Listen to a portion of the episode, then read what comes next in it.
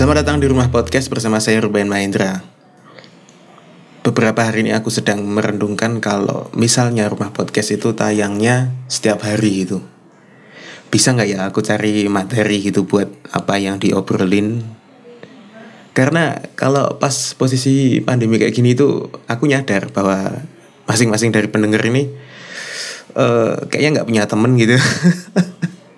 Jadi tiap dengerin ini berasa punya temen gitu. Kalau kita ngomongin yang viral, hmm, banyak sekali berita. Kemarin itu sempat yang rame itu ada uh, salah satu postingannya John Lennon yang bilang apa sih kemarin itu?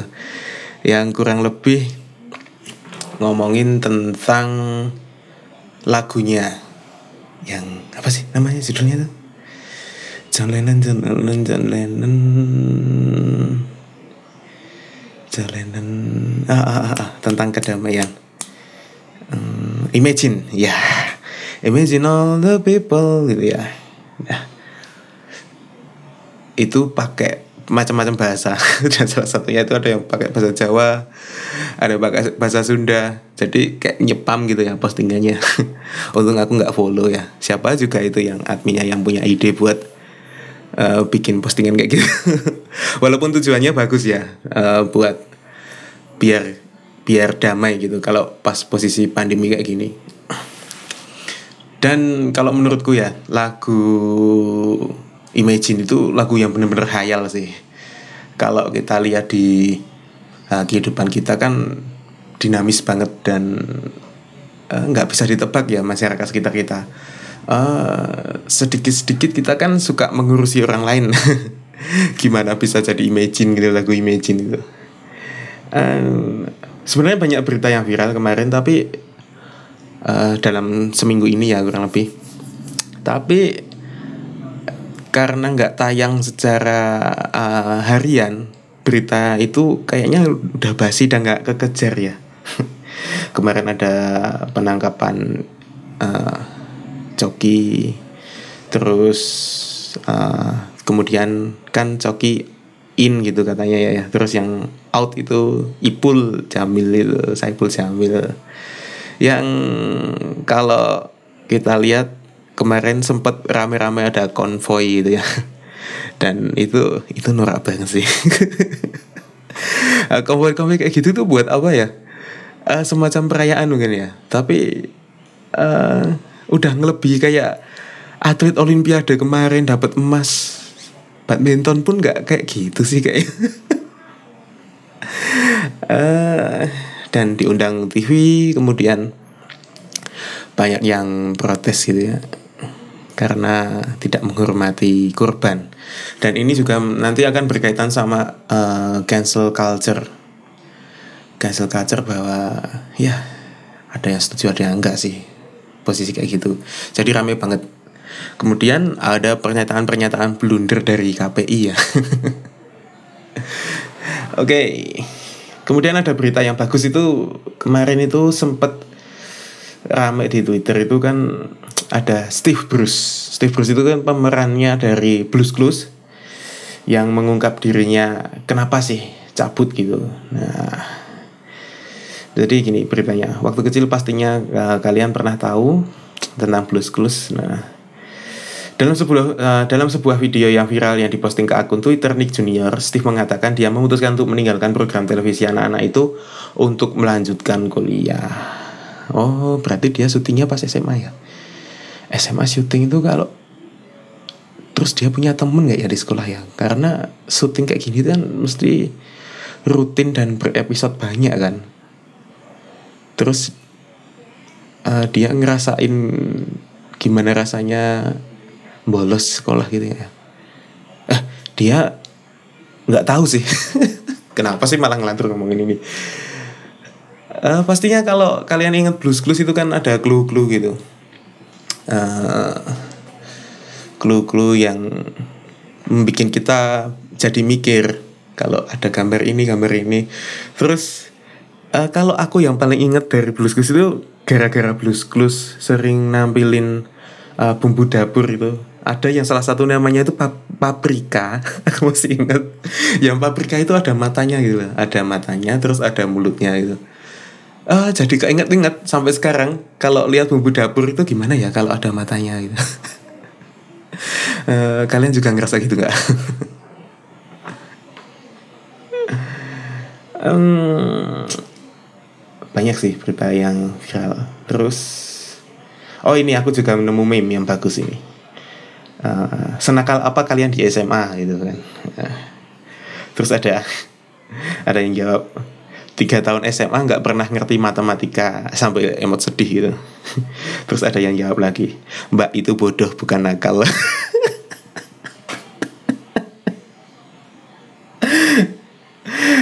Ditanyain senakal apa SMA nggak paham matematika. Mbak itu bodoh bukan nakal. Bener sih bener bener bener bener. Terus ada berita lagi. Uh, ini ini agak disturbing sih. Teror sperma mulai marak lelaki di Semarang oleskan sperma ke makanan korban. Ini disturbing banget ya beritanya. Uh, ini bejat banget sih jadi ini beritanya seperti ini. DP lelaki 31 tahun yang sedang menempuh program pendidikan dokter spesialis PPDS di salah satu kampus di Semarang bisa dibilang perilakunya brengsek kuadrat. Udah brengsek kuadrat itu. um, ia harus berurusan dengan hukum setelah ketahuan melakukan pelecehan seksual dengan cara menjijikkan berkali-kali lipat, mengintip orang mandi sambil onani, lalu membuang spermanya ke makanan korban yang ia intip. Kelakuan kriminal bejat ini dipergoki oleh korban sendiri. Mulanya karena korban seorang perempuan berinisial D Penasaran mengapa makanan di ruang makan kontrakannya selalu berantakan selepas ia tinggal mandi. Hasil rekaman diam-diam itu bikin mengung uh, itu bikin mengungkap kejadian traumatis. Hmm. Selama ini rupanya DP sering onani sembari mengintip di lantas melakukan oh, makanan. Oh, gila ya. Pelaku bukanlah orang asing bagi korban DP adalah sejawat dari K, suami D. Aku tuh sering bingung ya kalau baca berita gini kan ada K ada D ada siapa gitu. Ya intinya udah udah ya ini terus uh, dapat dari tindakan tersebut korban mengalami trauma berat gangguan makan gangguan tidur dan gangguan emosi. Sejak bulan Desember 2020 sampai hari ini korban harus meminum obat antidepresan yang diresepkan psikiatri dan pemulihan ke psikolog. Kata pendamping korban dari LRC KJHAM Lia Lis Hayati dikutip detik. Gimana ya kalau uh, aku rasa penghormatan terhadap wanita itu penting banget ya ketika kita melihat peristiwa-peristiwa kayak gini yang konyol itu rasanya ada yang kurang ya ada yang bilang kalau semua lelaki sama aja itu ya sama aja sih ketika kita lihat uh, semua wanita juga sama saja gitu ya tapi kalau dipikir lagi, ini balik lagi ke orangnya ya. Kalau mempunyai semacam desire yang lebih gitu. Tergantung bisa ngontrol enggaknya tuh kalau dari masing-masing kita itu. Tapi nggak tahu juga sih kalau dalam posisi itu dia punya kelainan tertentu ya. Soalnya itu uh, sudah ada faktor-faktor lain, misalnya ada Hmm, dampak-dampak psikologis yang dulunya ada peristiwa apa gitu terus menyebabkan dia seperti itu ada tindakan seperti itu. Eh ya waspada ya. Itu nggak kalah parah sama kejadian kalau di pom. Katanya kan ada yang entah yang masang CCTV ada yang uh, securitynya malah uh, menonton gitu ya mengintip lebih tepatnya. Nah kayak gitu itu aduh penghormatan terhadap wanita itu kayak kurang gitu. uh, kalau dilihat dari uh, segi uh, equality gender ya, wis udah kayak SCW ini kalau ngomongin equality gender. Lebih ke ini sih menurutku memandang wanita itu seperti apa gitu. Karena selayaknya manusia kan sebenarnya sama-sama manusia gitu ya humanistik gitu. Uh, wanita itu adalah sebenarnya kan subjek gitu bukan objek. Kalau uh, teman-teman terpapar info yang uh, bisa menyebabkan alam bawah sadar teman-teman melakukan tindakan-tindakan yang kurang pas seperti itu yang bahkan tidak pantas ya itu bisa jadi teman-teman uh, paparan informasinya ya salah satunya misalnya uh, video porno gitu. Bisa juga menyebabkan seperti itu karena pemandangan ini ini ini uh, sekedar diskus ya uh, itu tidak salah ketika teman-teman mengkonsumsi. Maksudnya ada batasan masing-masing atau dan lain-lain. Yang penting udah legal dan lain-lain. Yang penting bertanggung jawab atas diri sendiri gitu ya. Selayaknya kita minum atau uh, sex before marriage gitu atau apa pun sih yang teman-teman anut. Tapi yang jelas kan ketika memandang itu layaknya di reality itu juga sama seperti di blue film itu kan uh, sebagai objek gitu loh cewek wanita itu sebagai objek bukan sebagai subjek. Yang di mana kalau uh, dipikir lagi kan nggak semudah itu ya menggait cewek ya. Kalau dipikir menggait cewek itu cuma ya cuma oh, lihat ya la la la terus melakukan adegan ranjang seenak itu ya enggak sih kayaknya ada treatment treatmentnya harus gimana ada kecocokan chemistry dan lain-lain.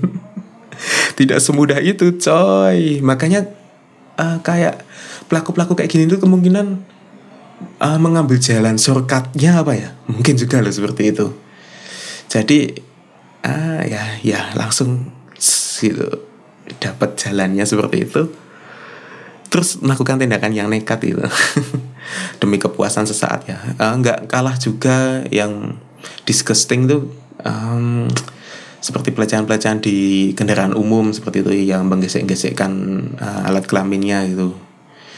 Padahal pun uh, dan uh, ini pendapatku pribadi ya.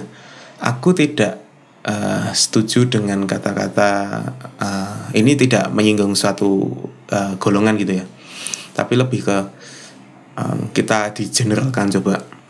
Kalau Eh, penyimpangan ini tidak akan terjadi ataupun pemerkosaan ini tidak akan terjadi ketika uh, pakaian korban itu sopan.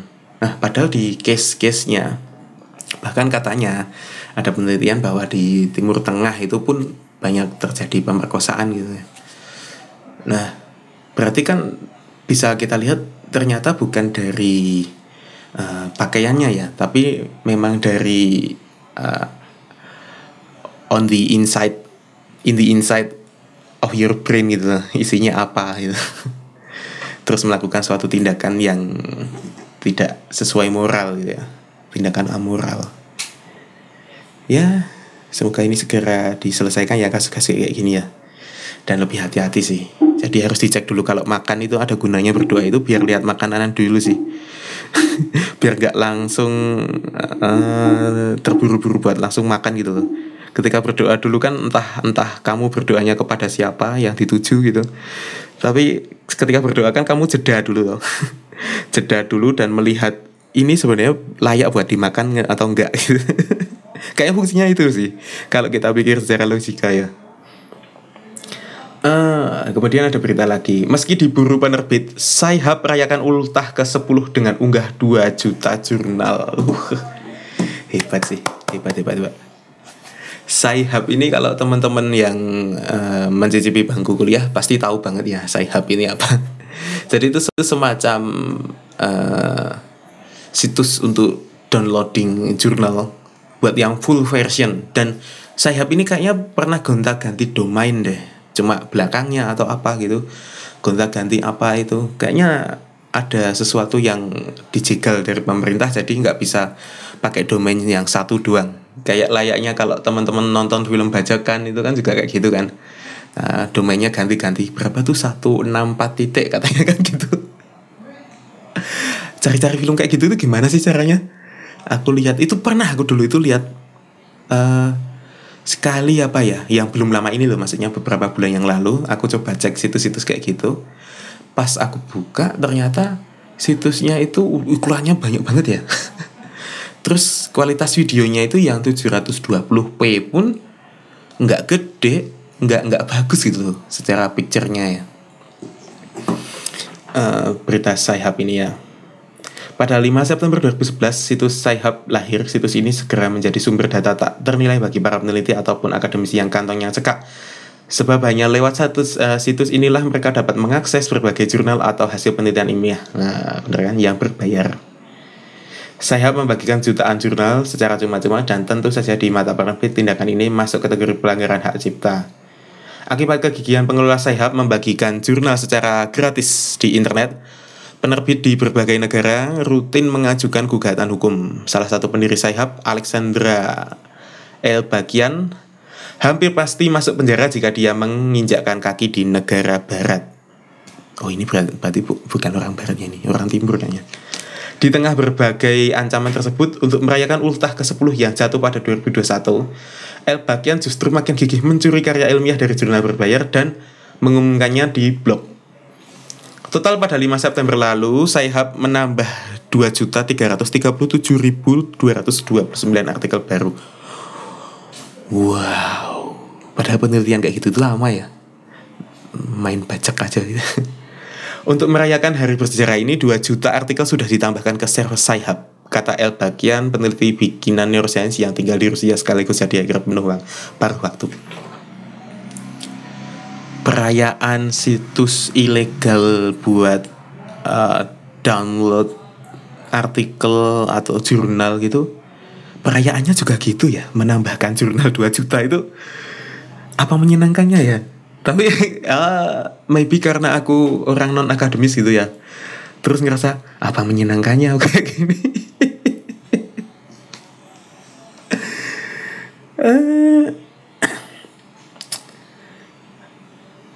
Sayap sayap sayap ya pernah ingat sih dulu aku ada pengalaman mau nggak mau ya ini. Mesti kita bongkar secara rahasia umum aja ya. Ke, kelihatannya masing-masing dari dosen kita itu pernah ya nyuruh membuka website seperti Sci-Hub ini ataupun website-website lain yang serupa hampir sama gitu ya.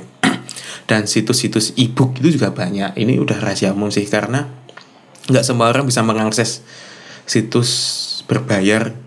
Dan kalau lebih difundamentalkan lagi lebih ke dasar lagi ya memang nggak nggak nggak bukan jadi kebiasaan aja yang legal-legal gitu ya. Padahal enak loh kalau apa-apa itu legal ya ya ini contoh dasar aja sih. Kamu pakai Spotify yang legal atau ilegal? Pakai Spotify mod. Nah itu. Ya kayak gitu loh. Ada yang bilang kalau beberapa daerah di Indonesia apa ya dulu ada yang pernah bilang di Pekalongan atau mana itu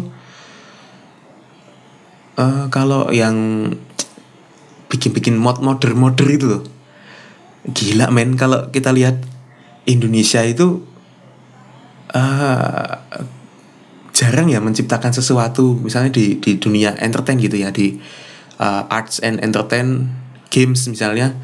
Di games itu kita jarang menciptakan permainannya tapi modernya jago-jago coy Indonesia itu. Kalau kalian lihat misalnya main Free Fire atau apa itu pasti ada tulisannya mod Pekalongan atau apa. Ya contoh deh. Misalnya temenku kan kemarin juga ada yang uh, nginstal PES 2011 ya Pro Evolution Soccer yang seri edisi 2011 bayangin.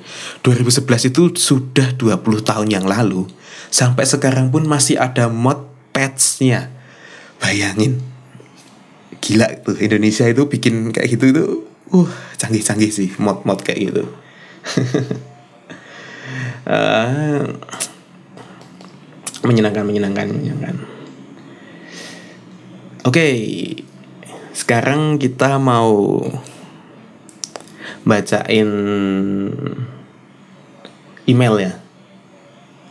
Dari kemarin itu sempat dapat email tapi aku males ya bacaannya. Kok bacaan sih? Bacain ya uh, yang pertama halo Mas Ruben perkenalkan saya Andri. Halo halo halo Mas Andri. Tips menghadapi gebetan yang tak kunjung balas chat bagaimana? Terima kasih sebelumnya.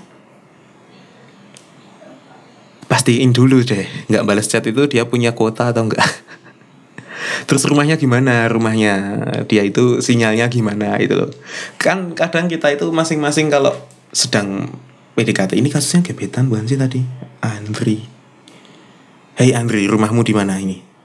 Uh, Andri ini uh, tips menghadapi gebetan yang tak kunjung balas chat gimana? Ah yang sopannya ya jelas ya. Kalau nggak balas chat itu kemungkinan bisa jadi kamu ya pengangguran ya. Yang selalu menanti chat dia tapi yang satunya kerja gitu ya. Yang gebetanmu kerja atau gimana? Atau ada tanggungan gerak di bidang apa gitu?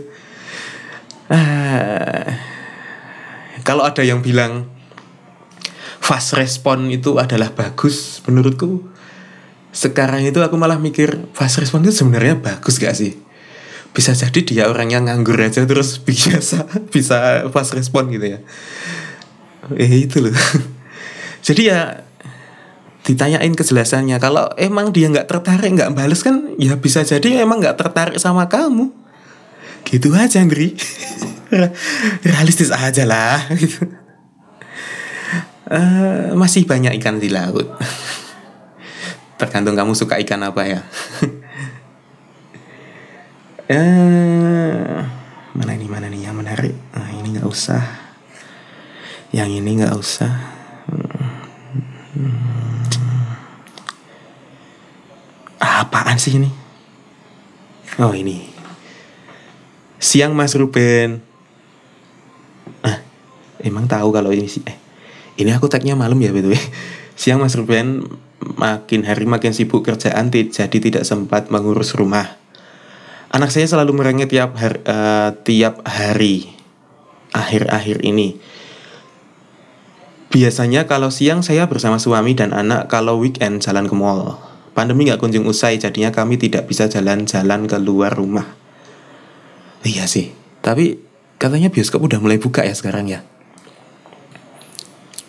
Bioskop udah mulai buka, tapi mall, eh, berarti kan otomatis mall juga buka dong. Nah, iya. Ini kayak aturan-aturan uh, berpergian di tempat umum itu uh, tidak dikhususkan untuk kaum kaum anti vaksin ya. Jadi sulit ya mau ke mana-mana itu kan harus vaksin gitu ya sekarang ya. Jadi ya ya tergantung ikut regulasi atau ingin menjadi orang-orang underground gitu ya. Ya terserah sih. Itu pilihan dari teman-teman. Uh, ini lebih ke curhat ya ya. Siapa ini namanya? Aduh emailnya susah lagi dibaca ini namanya. Uh, uh, yang jelas pinter-pinter bagi waktu sih menurutku. Uh, sama suaminya juga. Uh, ini btw suaminya kerja nggak ya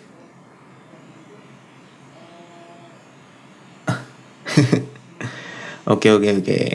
Ya cari kegiatan lain lah. Kalau aku mikir kayak gini aku kan nggak nggak nggak bu, uh, bukan pecinta di mall gitu ya. Suka di mall atau apa. Karena maybe karena aku hidup di daerah sini juga ya. Jadi walaupun nggak ada mall ya kalau dipikir di daerah batas itu. Tapi uh, terlalu gemerlap gitu loh. Uh, udah bosan lihat bangunan kotak-kotak gitu. Kotak mana-mana bangunan kan kotak semua. Pada nggak bosan sih kayak gitu nggak bosan ya? Kotak-kotak mall kan juga gitu kan nggak ada terus mall yang uh, arsitekturnya pakai pakai gaya Yunani kuno yang pakai pilar gede-gede itu yang bukan kotak yang yang lingkaran. Nggak nggak ada kan? Bosen tuh. Tapi ya itu sih kalau mau ke mall sekarang harus hati-hati ya. Dan pastiin udah vaksin. Soalnya kayaknya bakal sulit deh kalau belum vaksin ya. Tapi nggak tahu juga ini case nya di beberapa mall atau semua mall seperti itu. Kalau lihat updatean-updatean kemarin itu uh, bioskop udah mulai buka ya. Jadi ya semoga menjadi hal yang menyenangkan terutama buat para pekerja seni ya supaya bisa menampilkan sesuatu ataupun orang-orang food court yang jualan di situ. Dan oh iya kan beberapa uh, mall di Jogja itu kan banyak yang itu ya gulung tikar ya yang pertengahan pandemi mulai pertengahan pandemi itu. Uh gila ya bisnis-bisnis yang gede kayak gitu aja pada gulung tikar apalagi yang bawah nangis-nangis ya. Aduh serem ya pandemi efeknya. Keep safety ya teman-teman. Uh, satu lagi deh email Hai bang Sejak dengerin podcast abang aku jadi percaya kalau setiap harinya masing-masing dari kita punya temen. Nggak usah takut sendiri. Uh, bla bla bla bla bla. Apalagi takut kalau malam. Nah, maksudnya gimana sih ini? Oh eh. Eh kamu tinggal di mana ini? Apalagi kalau malam. Apalagi kak? Oh horror ya teman-teman hati-hati loh kayak gitu. Uh, pernah punya kejadian horror gak sih? Ya pernah sih aku. Tapi kalau aku yang alam uh, aku alamin tuh kebetulan case-nya yang horror itu mah nggak yuk sendiri itu ya. Soalnya kalau sendiri aku lebih kebanyakan kebanyakan mikir jadi overthink gitu ya. Nggak nggak sampai nggak kepikiran sama horror gitu. Rata-rata yang memang pas posisi lelah ya kalau ini uh, kejadian-kejadian kayak itu ya tapi aku nggak nggak mau bahas yang horror kayak gitu. Soalnya aku kemarin sempet kan yang season pertama itu um, bahas yang sama salah satu podcaster yang sekarang udah di noise juga podcastnya. Gila nggak tuh? Udah di noise terus uh, sekarang dikontrak sama apa itu? Uh, Asia Network gitu ya. PNA Wah, Mbak Ana gila sih. Tapi itu secara mengejutkan episode PNA itu nggak sebanyak yang aku pikir yang uh, nge-views gitu ya, yang nge-listens listenersnya itu nggak sebanyak yang aku pikir. Justru malah termasuk, nah ini bukan termasuk mengecilkan ya, justru malah termasuk lima terbawah apa ya kalau nggak salah ya. Dari sekitar 70-an episode ini. lima terbawah deh kayaknya. Kenapa ya? Padahal itu bagus loh bahasnya. Uh, mungkin pendengar rumah podcast gak uh, relate ya dengan yang horror gitu ya. Padahal seru juga ya bahas kayak gitu ya. ini hati-hati nih kalau kamu mancing-mancing bilang dengerin podcast. Iya, tetap ada temennya gitu. Ya maka dari itu ketika kamu bilang uh, kalau tayang seminggu sekali aja ada yang di repeat gitu ya di repeat terus ganti episode ganti episode lagi. Ya kayaknya lebih masuk lagi kalau tiap hari gitu ya tayangnya. Ya kita tinggal cari bahannya. Dan aku masih mencocok-cocokkan gimana konsep yang cocok sebenarnya. Uh, apakah monolog ini bahas yang acak gitu random terus berita-berita yang viral sambil bacain email apa aku buat versi yang uh, harus ada sedikit effort gitu ya. Ada format-format tertentu. Atau iya. Kalau teman-teman punya masukan silahkan deh dikirim ke emailku. Itu udah aku taruh di bio podcast. Dan buat teman-teman yang uh, menanti tamu ya sabar ya. Karena cari tamu itu sulit banget ya guys sekarang tuh masa sekarang. Jadi ya maybe aku mau cari tamu-tamu yang sesama podcaster dulu ya soalnya kadang sesulit-sulit apa pun podcaster pengen buat kolaborasi atau dalam kurung pansos gitu ya podcast kalahin jadi kayaknya lebih mudah ya buat guide guide orang-orang kayak gitu Oke, sekian dulu buat episode kali ini. Terima kasih buat teman-teman yang sudah dengerin episode kali ini. Aku ngasih uh, ngasih ngasih sih nggak sampai aku bingung ini mau ngasih judul apa gitu ya. Sampai jumpa di episode selanjutnya. Terima kasih teman-teman.